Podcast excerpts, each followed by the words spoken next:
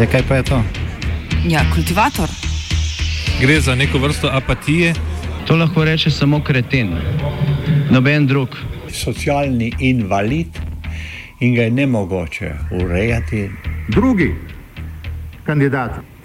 Pa, pa pije, kadi, masturbira, vse kako ti lahko reče. Nihče tega ne ve. Vsak petek skultiviramo dogodek tedna. Lahko po kriterijih radio študent, težko pa po evropskih kriterijih. Ampak na drug način, kot vi tu mislite. Kultivator vedno užge. Da pač nekdo sploh omenja probleme, ki so, in da pravzaprav sploh nekdo sproži dogajanje uh, v družbi. To drži, drži.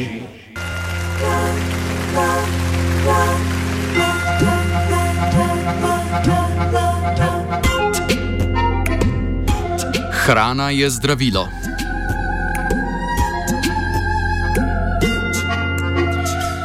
Hudičevih 66 milijard dolarjev je cena, ki jo je nemški farmacevtski gigant Bayer pripravljen plačati za ameriškega zloglasnega proizvajalca semen, znanega pod imenom Monsanto. Gre za največji agrarni prevzem v zadnjem času, čeprav teh v zadnjem času ne manjka.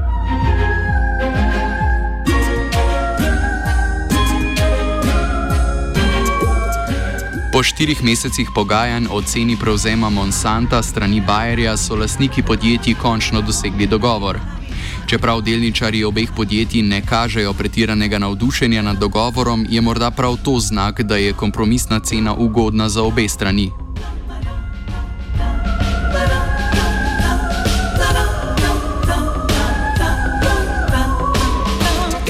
Bayerjev nakup največjega proizvajalca semen na svetu je že tretja združitev v, in, v industriji agrarnih inputov. Žegen varuhov konkurence tako trenutno čakata še združitev velikanov DuPont in Dow na eni strani ter Syngenta in ChemChina na drugi. Skupaj z Bayerjem in Monsantom gre za šest največjih proizvajalcev kmetijskih inputov.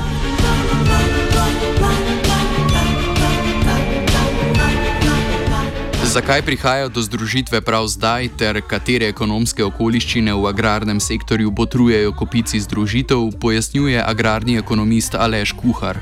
Ja, to je v bistvu ena reakcija, ne, ker moramo vedeti, da se v zadnjem desetletju ali pa celo že malo dlje, pač lajčni javnosti to verjetno ni znano, ampak v zadnjem 15 letih prihaja do zelo velikih sprememb na tržni strukturi v teh trgih, ne, se pravi trg prodaje agro agrofitofarmacijskih sredstev na trgu semen in tako naprej, se ta velika podjetja zelo intenzivno povezujejo in s tem dobivamo v bistvu bolj strnjeno tržno strukturo. Skratka, če dalje manj in če dalje večji so ti ponudniki na svetovnem trgu. In uh, to je v bistvu reakcija na dve predhodni koncentraciji, ki tudi še niso dobili potrditve uh, pač, regulatornih organov. Gre seveda za dol in uh, koncentracijo med uh, Dupontom in Dovom in uh, za koncentracijo med uh, China, uh, kitajskim tem velikim državnim podjetjem za seminarski, v seminarski in fitofarmacijski industriji. Uh, tako da to je v bistvu reakcija. Ne? Uh, kaj pomeni to vse skupaj? Če dalje manj podjetij uh, pač nadzoruje ta trg, ne? to pomeni, da imajo če dalje večjo tržno moč in zdaj recimo konkretno ti dve podjetji, ki bodo koncentracije dejansko prišla oziroma bo potrjena, boste seveda nadzirali zajetne deleže trgov pesticidov, recimo tam ocenjujejo, se da prebrati, da je tam okrog pet, četrtina ne, svetovnega trga z pesticidi, bi zdaj ti to združeno podjetje obvladovalo in recimo slabo četrtino uh, trga semenja. Tako da to so zelo velike stopne koncentracije na globalni ravni, to seveda ima posledice na na trgih, ne? predvsem na trgih uh, kmetijskih uh, inputov, se pravi stvari, ki jih kmeti kupujejo za to, da lahko poslujejo, predvsem semena, fitokemija in tako naprej. Ob pomembnosti Bajerjevega prevzema Monsanta govori še Matej Lahovnik z ekonomske fakultete. Gre za največji prevzem v letošnjem letu v tej panogi na področju Evropske unije, predvsem pa je to za Bajer na nek način diverzifikacija poslovanja v povezano dejavnost. Namreč Monsanto se ne ukvarja z enako dejavnostjo kot Bajer, ampak z neko povezano, kjer, kjer vendar med obema dejavnostima obstaja zelo veliko sinergij.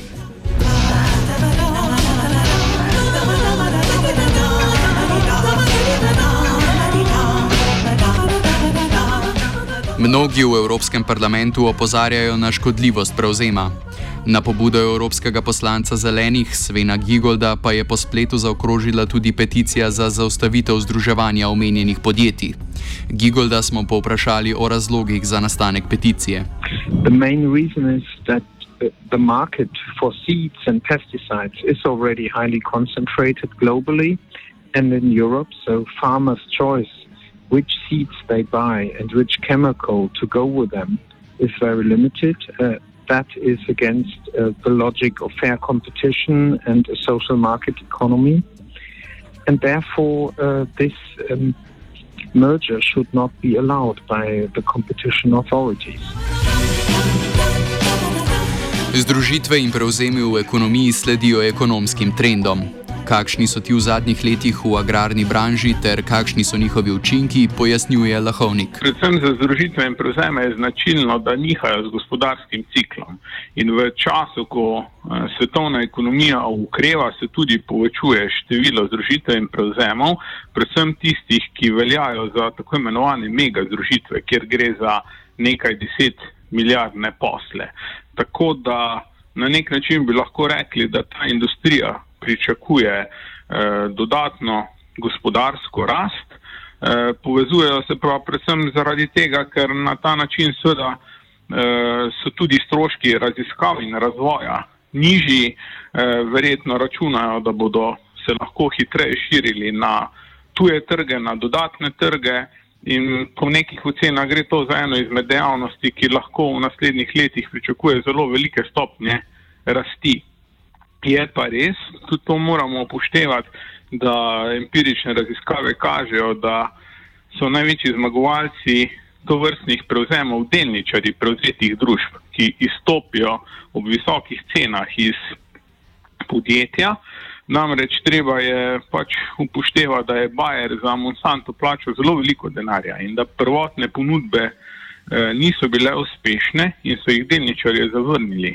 Tako da se seveda kljub temu postaja vprašanje, ali bodo te združitve na dolgi rok prinesle želeni rezultat delničarjem Bayerja.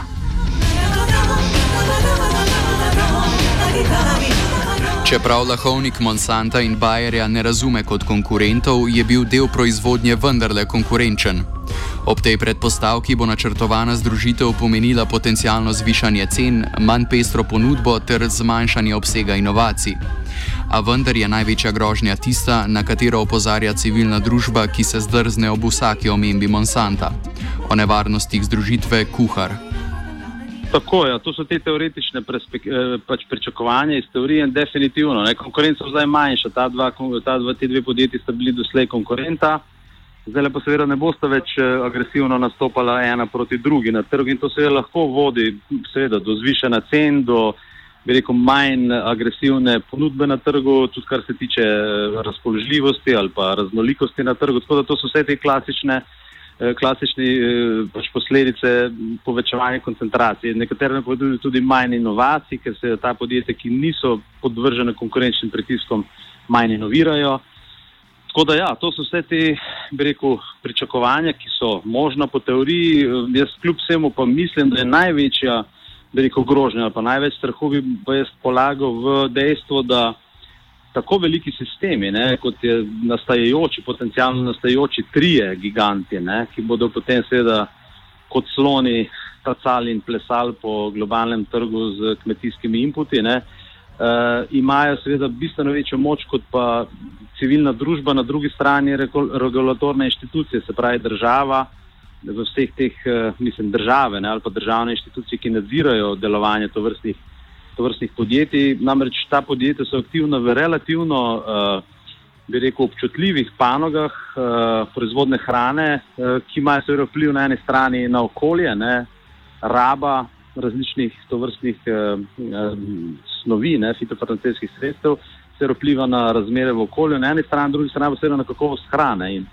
to niso zelo, bi rekel, nedožne, nedožne stvari, če bi rekel, to vrstni giganti presežejo moč in sploh uh, sposobnost nadzora, ne, ki ga na drugi strani recimo majhne države ali pa skupnosti kot Evropska unija lahko imajo. Skratka, tukaj moram reči, da me bistveno bolj skrbi kot pa recimo uh, neke distorzije na trgu, ki bi posledično lahko nastajale zaradi povišene koncentracije. Skratka, gre za ta klasičen strah civilne družbe in klasičen odpor do multinacionalk, ki je seveda tukaj, bi rekel, kar, kar na mestu, čeprav govorim z, z pozicije nekega neodvisnega eh, objektivnega opozovalca, znanstvenika, ampak na tem mestu mislim, da so te strahovi kar, kar na mestu, da bi te multinacionalke presegle moč civilne družbe in držav in nadzornih inštitucij. O tem, ali združitev, ki bo prinesla koncentracijo ekonomske moči, ogroža konkurenčnost, bodo dokončno odločali ameriški in evropski varuhi konkurence. Medtem ko lahko v medijih zasledujemo ugibanja o tem, ali bodo ti dogovor dopustili ali ne, Lahovnik meni, da bo rešitev najverjetneje nekje vmes. Tako velike združitve so lahko vedno problematične za konkurenco in tudi v tem primeru ni nobena izjema. In jaz sem prepričan, da bo Evropski urad za konkurenco eh, skrbno proučil vse vidike to vrstne združitve. Gre za ne, na vse zadnje za pravo mega združitev, ki ima učinke tako na konkurenco, tako na kupce, tako na dobavitelje. E, tak, mislim pa, da samo znižanje cene delnice ni toliko povezano z negotovostjo, verjetno predvsej bolje povezano z na nek način vprašanjem, kaj se bo dogajalo po združitvi. Seveda je pa ima urad za varstvo konkurence vedno možnost, da prižge rdečo luč in ne da soglasje za prevzem, lahko pa postavi določene pogoje. Lahko bi recimo naložil Bajerju, da po združitvi odproda del Monsanta ali pa jim naložil določene zaveze, ki jih morajo upoštevati. Jaz predvsej dvomim, da bo dal brezpogojno soglasje verjetno bodo uh, soglasje za združitev pogojevali z določenimi pogoji.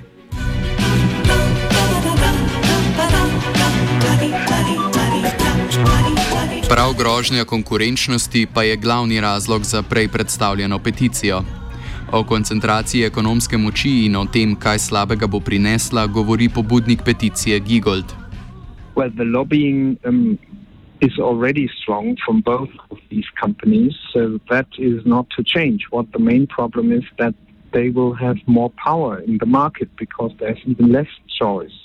And these two companies will have even more than in the future. One large company will have influence uh, what is growing on our fields and what farmers will have to buy. And that is a level of concentration of economic power uh, which we don't want to see in a market economy. In a market economy, and that is exactly the advantage in comparison to centrally planned economies, that not one actor holds the power, but people have choice. Well, obviously, if market concentration grows, um, um, the uh, all actors can earn higher uh, margins, and that is the big danger that uh, because of this, uh, the new buyer will be able to search higher prices from farmers and earn even more uh, from patents and the like.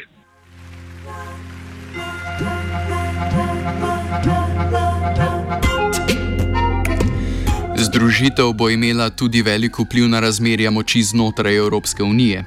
Nemčija namreč preko Evropske unije umika prepreke lastni industriji.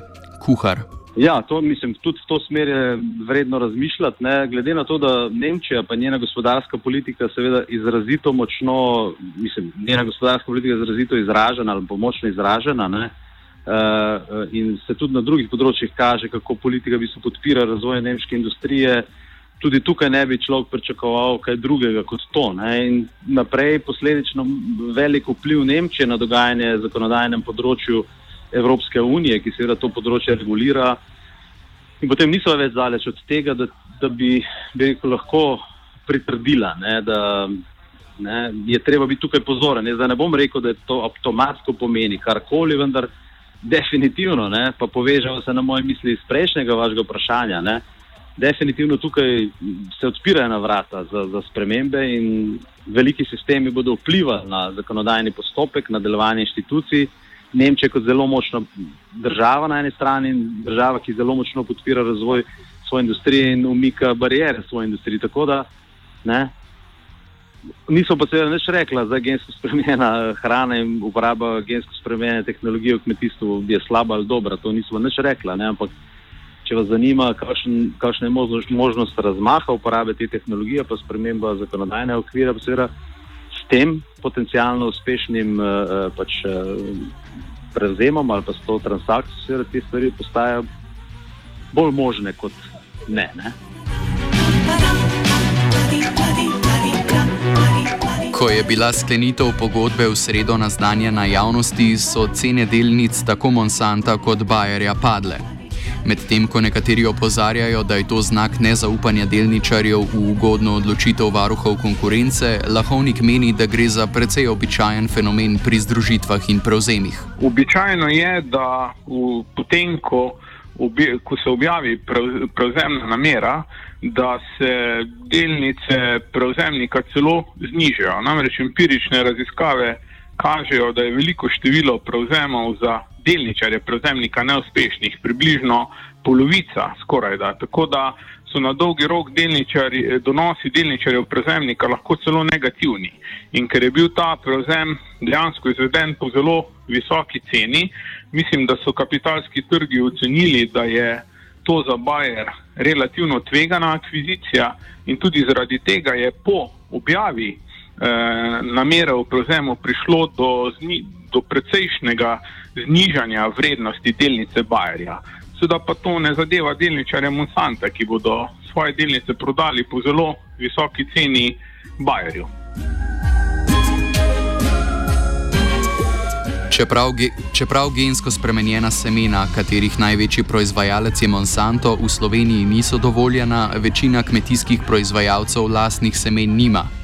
Kakšna je semenska situacija v Sloveniji ter kaj lahko glede na selitev Monsanta v Evropo pričakujemo, razlaga kuhar. Vsa komercialno, ne, praktično vsi, uh, vsi uh, resni kmetijski proizvajalci govorijo recimo o 75% eh, uporabnikov semen, ne, uporabljajo certificirana semena. To pomeni, da so semena, ki so proizvedena Sloveniji praktično nekega razen, ne, predvsem na tem področju uh, kmetijske proizvodne, klasične, ne, mi več lastne selekcije praktično nimamo, gre vse za uh, pač produkte priznanih proizvajalcev. Ne, tako da lahko rečemo, da je praktično vsa, vsa semena, ki jih, ki jih kmetje uporabljajo za proizvodno hrane, te velike kmetje ali pa resni tržni kmetje, so v bistvu uh, semena uh, certificirana in prihajajo. Eh, so prodajene strani, eh, strani pač teh velikih eh, pač seminarskih podjetij. Točnega podatka pa žal res nimam.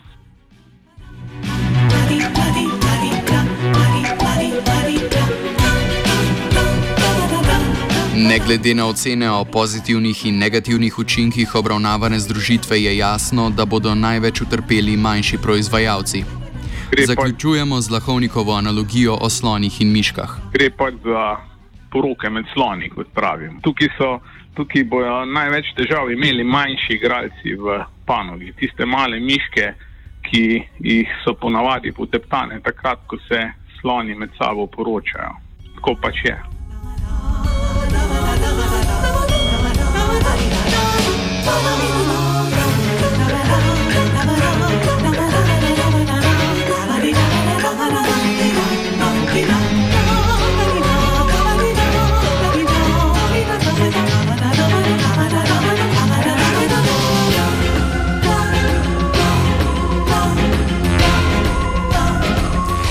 Nekonkurenčna in kemije polna polja je kultiviral mladen zobec.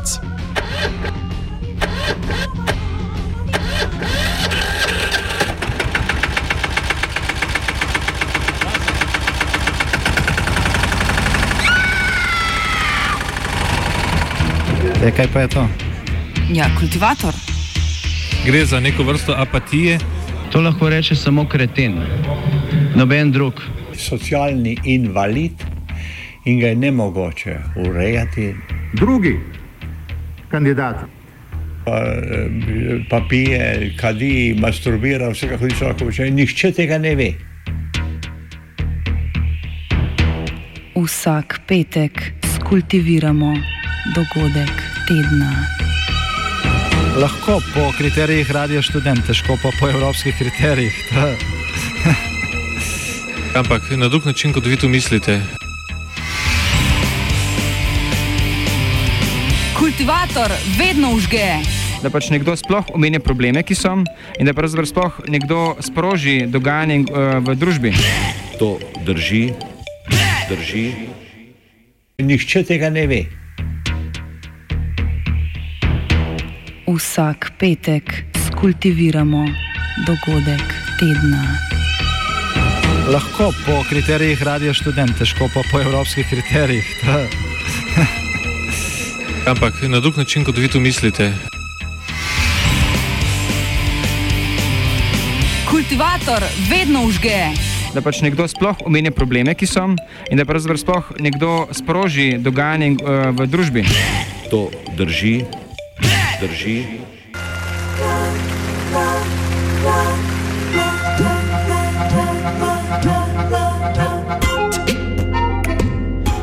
Hrana je zdravilo.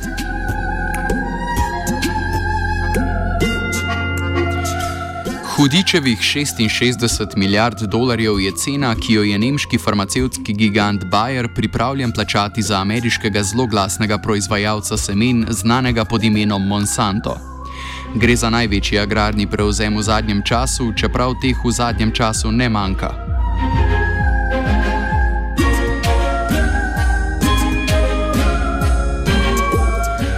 Po štirih mesecih pogajanj o ceni prevzema Monsanta strani Bayerja so lastniki podjetij končno dosegli dogovor. Čeprav delničari obeh podjetij ne kažejo pretiranega navdušenja nad dogovorom, je morda prav to znak, da je kompromisna cena ugodna za obe strani.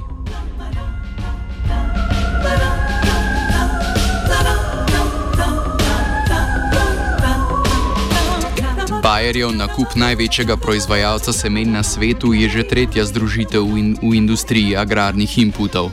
Žegen varuhov konkurence tako trenutno čakata še združitev velikanov DuPont in Dow na eni strani ter Syngenta in ChemChina na drugi.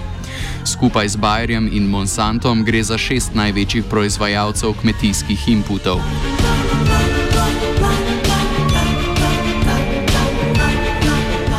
Zakaj prihaja do združitve prav zdaj, ter katere ekonomske okoliščine v agrarnem sektorju botrujejo kopici združitev, pojasnjuje agrarni ekonomist Aleš Kuhar. Ja, to je v bistvu ena reakcija, ne, ker moramo vedeti, da se v zadnjem desetletju ali pa celo že malo dlje, pač lajčni javnosti to verjetno ni znano, ampak v zadnjem 15 letih prihaja do zelo velikih sprememb na tržni strukturi v teh trgih, ne, se pravi trg prodaje agro agrofitofarmacijskih sredstev na trgu semen in tako naprej, se ta velika podjetja zelo intenzivno povezujejo in s tem dobivamo v bistvu bolj strnjeno tržno strukturo. Skratka, če dalje manj in če dalje večji so ti ponudniki na svetovnem trgu. In uh, to je v bistvu reakcija na dve predhodni koncentraciji, ki tudi še niso dobili potrditve uh, pač, regulatornih organov. Gre seveda za dol in uh, koncentracijo med uh, Dupontom in Dovom in uh, za koncentracijo med uh, China, uh, kitajskim tem velikim državnim podjetjem za seminarskim, v seminarski in fitofarmacijski industriji. Uh, tako da to je v bistvu reakcija. Ne? Uh, kaj pomeni to vse skupaj? Če dalje manj podjetij uh, pač nadzoruje ta trg, ne? to pomeni, da imajo če dalje večjo tržno moč in zdaj recimo konkretno ti dve podjetji, ki bodo koncentracije dejansko prišlo oziroma bo potrjena, boste seveda nadzirali zajetne deleže trgov pesticidov, recimo tam ocenjujejo, se da prebrati, da je tam okrog pet, četrtina ne, svetovnega trga z pesticidi, bi zdaj ti to združeno podjetje obvladovalo in recimo slabo četrtino uh, trga semenja. Tako da to so zelo velike stopne koncentracije na globalni ravni, to seveda ima posledice na na trgih, ne? predvsem na trgih uh, kmetijskih uh, inputov, se pravi stvari, ki jih kmeti kupujejo za to, da lahko poslujejo, predvsem semena, fitokemija in tako naprej.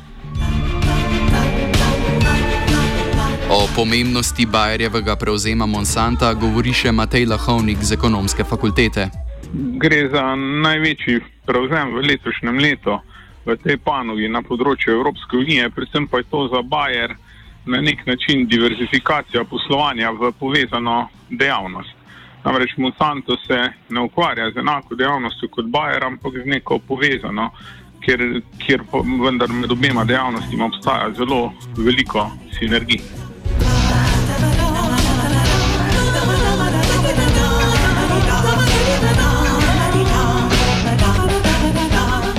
Mnogi v Evropskem parlamentu opozarjajo na škodljivost prevzema. Na pobudo evropskega poslanca zelenih Svena Gigolda pa je po spletu zaokrožila tudi peticija za zaustavitev združevanja omenjenih podjetij. Gigolda smo povprašali o razlogih za nastanek peticije. The market for seeds and pesticides is already highly concentrated globally and in Europe, so farmers' choice which seeds they buy and which chemical to go with them is very limited. Uh, that is against uh, the logic of fair competition and a social market economy. And therefore, uh, this um, merger should not be allowed by the competition authorities. Združitve in prevzemi v ekonomiji sledijo ekonomskim trendom. Kakšni so ti v zadnjih letih v agrarni branži ter kakšni so njihovi učinki, pojasnjuje Lahovnik. Predvsem za združitve in prevzeme je značilno, da nihajo z gospodarskim ciklom. In v času, ko eh, svetovna ekonomija ukreva, se tudi povečuje število združitev in prevzemov, predvsem tistih, ki veljajo za tako imenovane mega združitve, kjer gre za nekaj deset milijardne posle. Tako da na nek način bi lahko rekli, da ta industrija pričakuje eh, dodatno gospodarsko rast. Eh, povezujejo se pa predvsem zaradi tega, ker na ta način seveda eh, so tudi stroški raziskav in razvoja nižji, verjetno računajo, da bodo se lahko hitreje širili na tuje trge, na dodatne trge. In po nekih ocenah gre to za eno izmed dejavnosti, ki lahko v naslednjih letih pričakuje zelo velike stopnje rasti. Je pa res, tudi to moramo upoštevati, da empirične raziskave kažejo, da so največji zmagovalci to vrstnih prevzemov delničari prevzetih družb, ki izstopijo ob visokih cenah iz podjetja.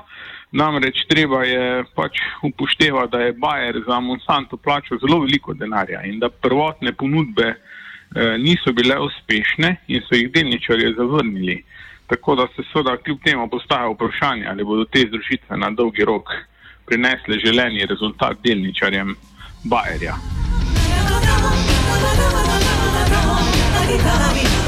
Čeprav lahovnik Monsanta in Bayerja ne razume kot konkurentov, je bil del proizvodnje vendarle konkurenčen.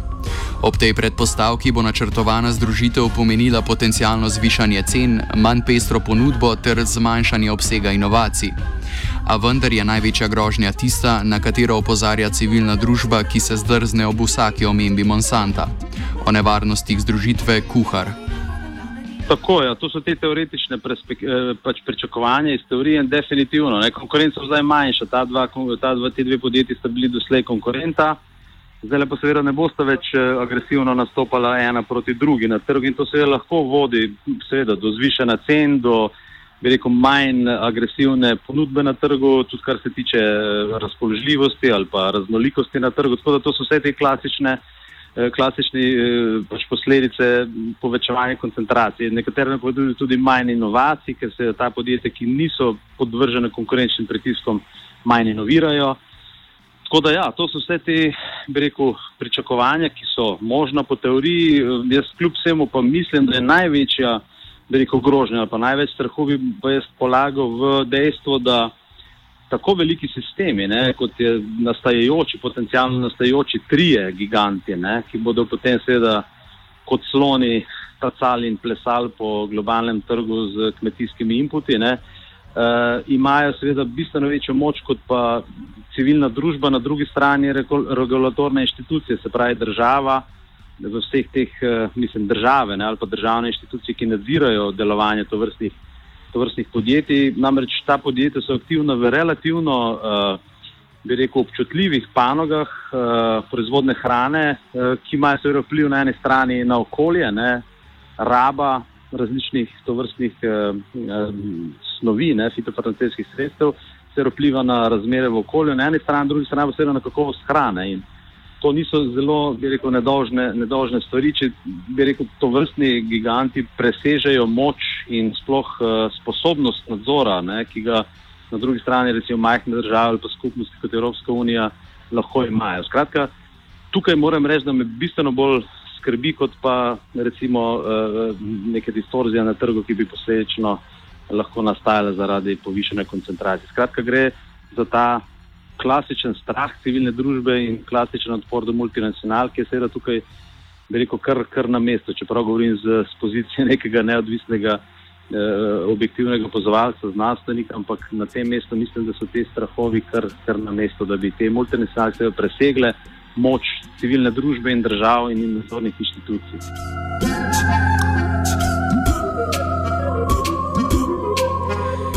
O tem, ali združitev, ki bo prinesla koncentracijo ekonomske moči, ogroža konkurenčnost, bodo dokončno odločali ameriški in evropski varuhi konkurence. Medtem ko lahko v medijih zasledujemo ugibanja o tem, ali bodo ti dogovor dopustili ali ne, Lahovnik meni, da bo rešitev najverjetneje nekje vmes. Tako velike združitve so lahko vedno problematične za konkurenco in tudi v tem primeru ni nobena izjema. In jaz sem prepričan, da bo Evropski urad za konkurenco eh, skrbno proučil vse vidike to vrstne združitve. Gre za ne, na vse zadnje za pravo mega združitev, ki ima učinke tako na konkurenco, tako na kupce, tako na dobavitelje. Eh, mislim pa, da samo znižanje cene delnice ni toliko povezano z negotovostjo, verjetno predvsej bolje povezano z na nek način uh, vprašanjem, kaj se bo dogajalo po združitvi. Seveda je pa ima urad za varstvo konkurence vedno možnost, da prižge rdečo luč in ne da soglasje za prevzem, lahko pa postavi določene pogoje. Lahko bi recimo naložil Bajerju, da po združitvi odproda del Monsanta ali pa jim naložil določene zaveze, ki jih morajo upoštevati. Jaz predvsej dvomim, da bo dal brezpogojno soglasje. Verjetno bodo uh, soglasje za združitev pogojevali z določenimi pogoji.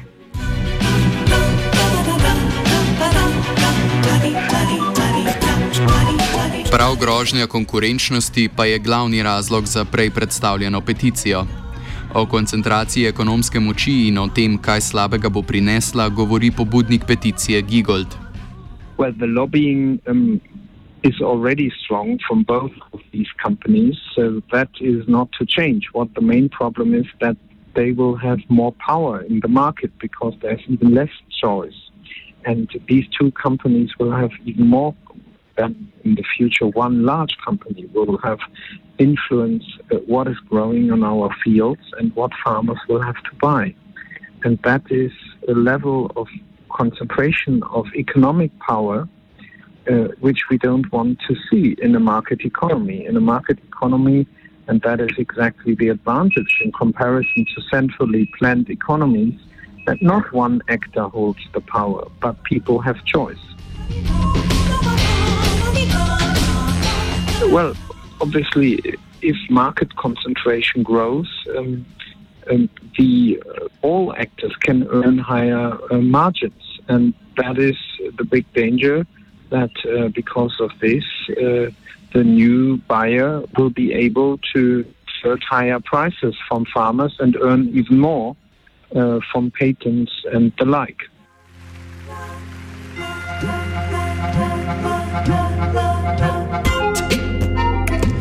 Združitev bo imela tudi velik vpliv na razmerja moči znotraj Evropske unije.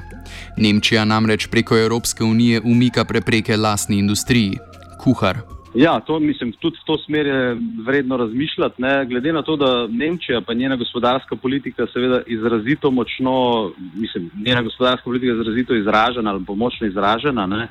Uh, in se tudi na drugih področjih kaže, kako politika bi se podpira razvoj nemške industrije.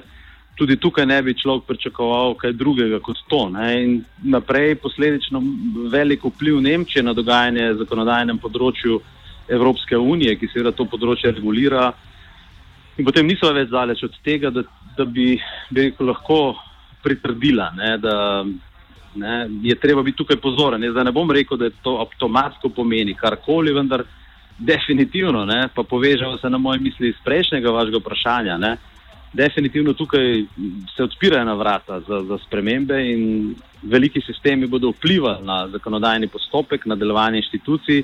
Nemčija kot zelo močna država na eni strani in država, ki zelo močno podpira razvoj svoje industrije in umika barijere svoje industrije. Tako da ne, niso pa seveda nič rekla, je gensko spremenjena hrana in uporaba gensko spremenjene tehnologije v kmetijstvu je slaba ali dobra. To niso nič rekla. Ne, ampak če vas zanima, kakšna je možnost, možnost razmaha uporabe te tehnologije, pa sprememba zakonodajne okvira, pa seveda s tem potencijalno uspešnim uh, pač, uh, prevzemom ali pa s to transakcijo, seveda te stvari postajajo bolj možne kot ne. ne? Ko je bila sklenitev pogodbe v sredo naznanjena javnosti, so cene delnic tako Monsanta kot Bayerja padle. Medtem ko nekateri opozarjajo, da je to znak nezaupanja delničarjev v ugodno odločitev varuhov konkurence, Lahovnik meni, da gre za precej običajen fenomen pri združitvah in prevzemih. Običajno je, da v, potem, ko, obje, ko se objavi prevzemna namera, da se delnice prevzemnika celo znižajo. Namreč empirične raziskave kažejo, da je veliko število prevzemov za delničarje prevzemnika neuspešnih, približno polovica skoraj da. Tako da so na dolgi rok delničari, donosi delničarjev prevzemnika lahko celo negativni. In ker je bil ta prevzem dejansko izveden po zelo visoki ceni, mislim, da so kapitalski trgi ocenili, da je to za Bayer relativno tvegana akvizicija in tudi zaradi tega je po objavi eh, namere o prevzemu prišlo do, do precejšnjega znižanja vrednosti delnice Bayerja. Seveda pa to ne zadeva delničarja Monsanta, ki bodo svoje delnice prodali po zelo visoki ceni Bayerju. Čeprav, čeprav gensko spremenjena semena, katerih največji proizvajalec je Monsanto, v Sloveniji niso dovoljena, večina kmetijskih proizvajalcev lastnih semen nima. Kakšna je semenska situacija v Sloveniji ter kaj lahko glede na selitev Monsanta v Evropo pričakujemo, razlaga kuhar. Vsa komercialno, ne, praktično vsi, uh, vsi uh, resni kmetijski proizvajalci govorijo recimo o 75% eh, uporabnikov semen, ne, uporabljajo certificirana semena. To pomeni, da so semena, ki so proizvedena Sloveniji praktično nekega razen, ne, predvsem na tem področju uh, kmetijske proizvodne, klasične, ne, mi več lastne selekcije praktično nimamo, gre vse za uh, pač produkte priznanih proizvajalcev. Ne, tako da lahko rečemo, da je praktično vsa, vsa semena, ki jih, ki jih kmetje uporabljajo za proizvodno hrane, te veliki kmetje ali pa resni tržni kmetje, so v bistvu uh, semena uh, certificirana in prihajajo. Eh, so prodajene strani, eh, strani pač teh velikih eh, pač seminarskih podjetij. Točnega podatka pa žal res nimam.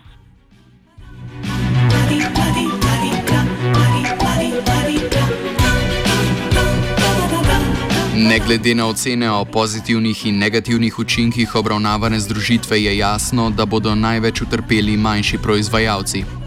Zaključujemo z lahovnikovo analogijo o slonih in miškah. Gre pa za poroke med sloni, kot pravim. Tukaj, so, tukaj bojo največ težav imeli manjši igralci v panogi, tiste male miške, ki jih so ponavadi poteptane takrat, ko se sloni med sabo poročajo.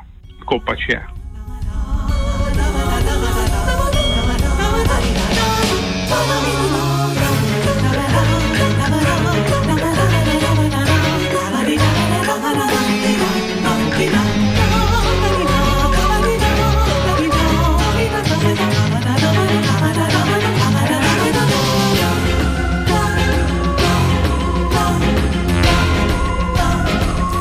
Nekonkurenčna in kemije polna polja je kultiviral mladen zobec.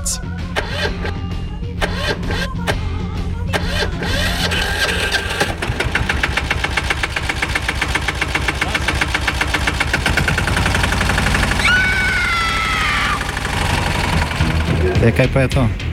Ja, kultivator. Gre za neko vrsto apatije. To lahko reče samo kreten, noben drug. Socialni invalid in ga je ne mogoče urejati. Drugi kandidat. Pa, eh, pa pije, kadi, masturbira, vse kako ti lahko počne. Nihče tega ne ve. Vsak petek skultiviramo dogodek tedna. Lahko po kriterijih radio študent, težko pa po evropskih kriterijih. Ampak na drug način, kot vi tu mislite. Kultivator vedno užge. Da pač nekdo sploh omenja probleme, ki so, in da pravzaprav sploh nekdo sproži dogajanje uh, v družbi. To drži, drži.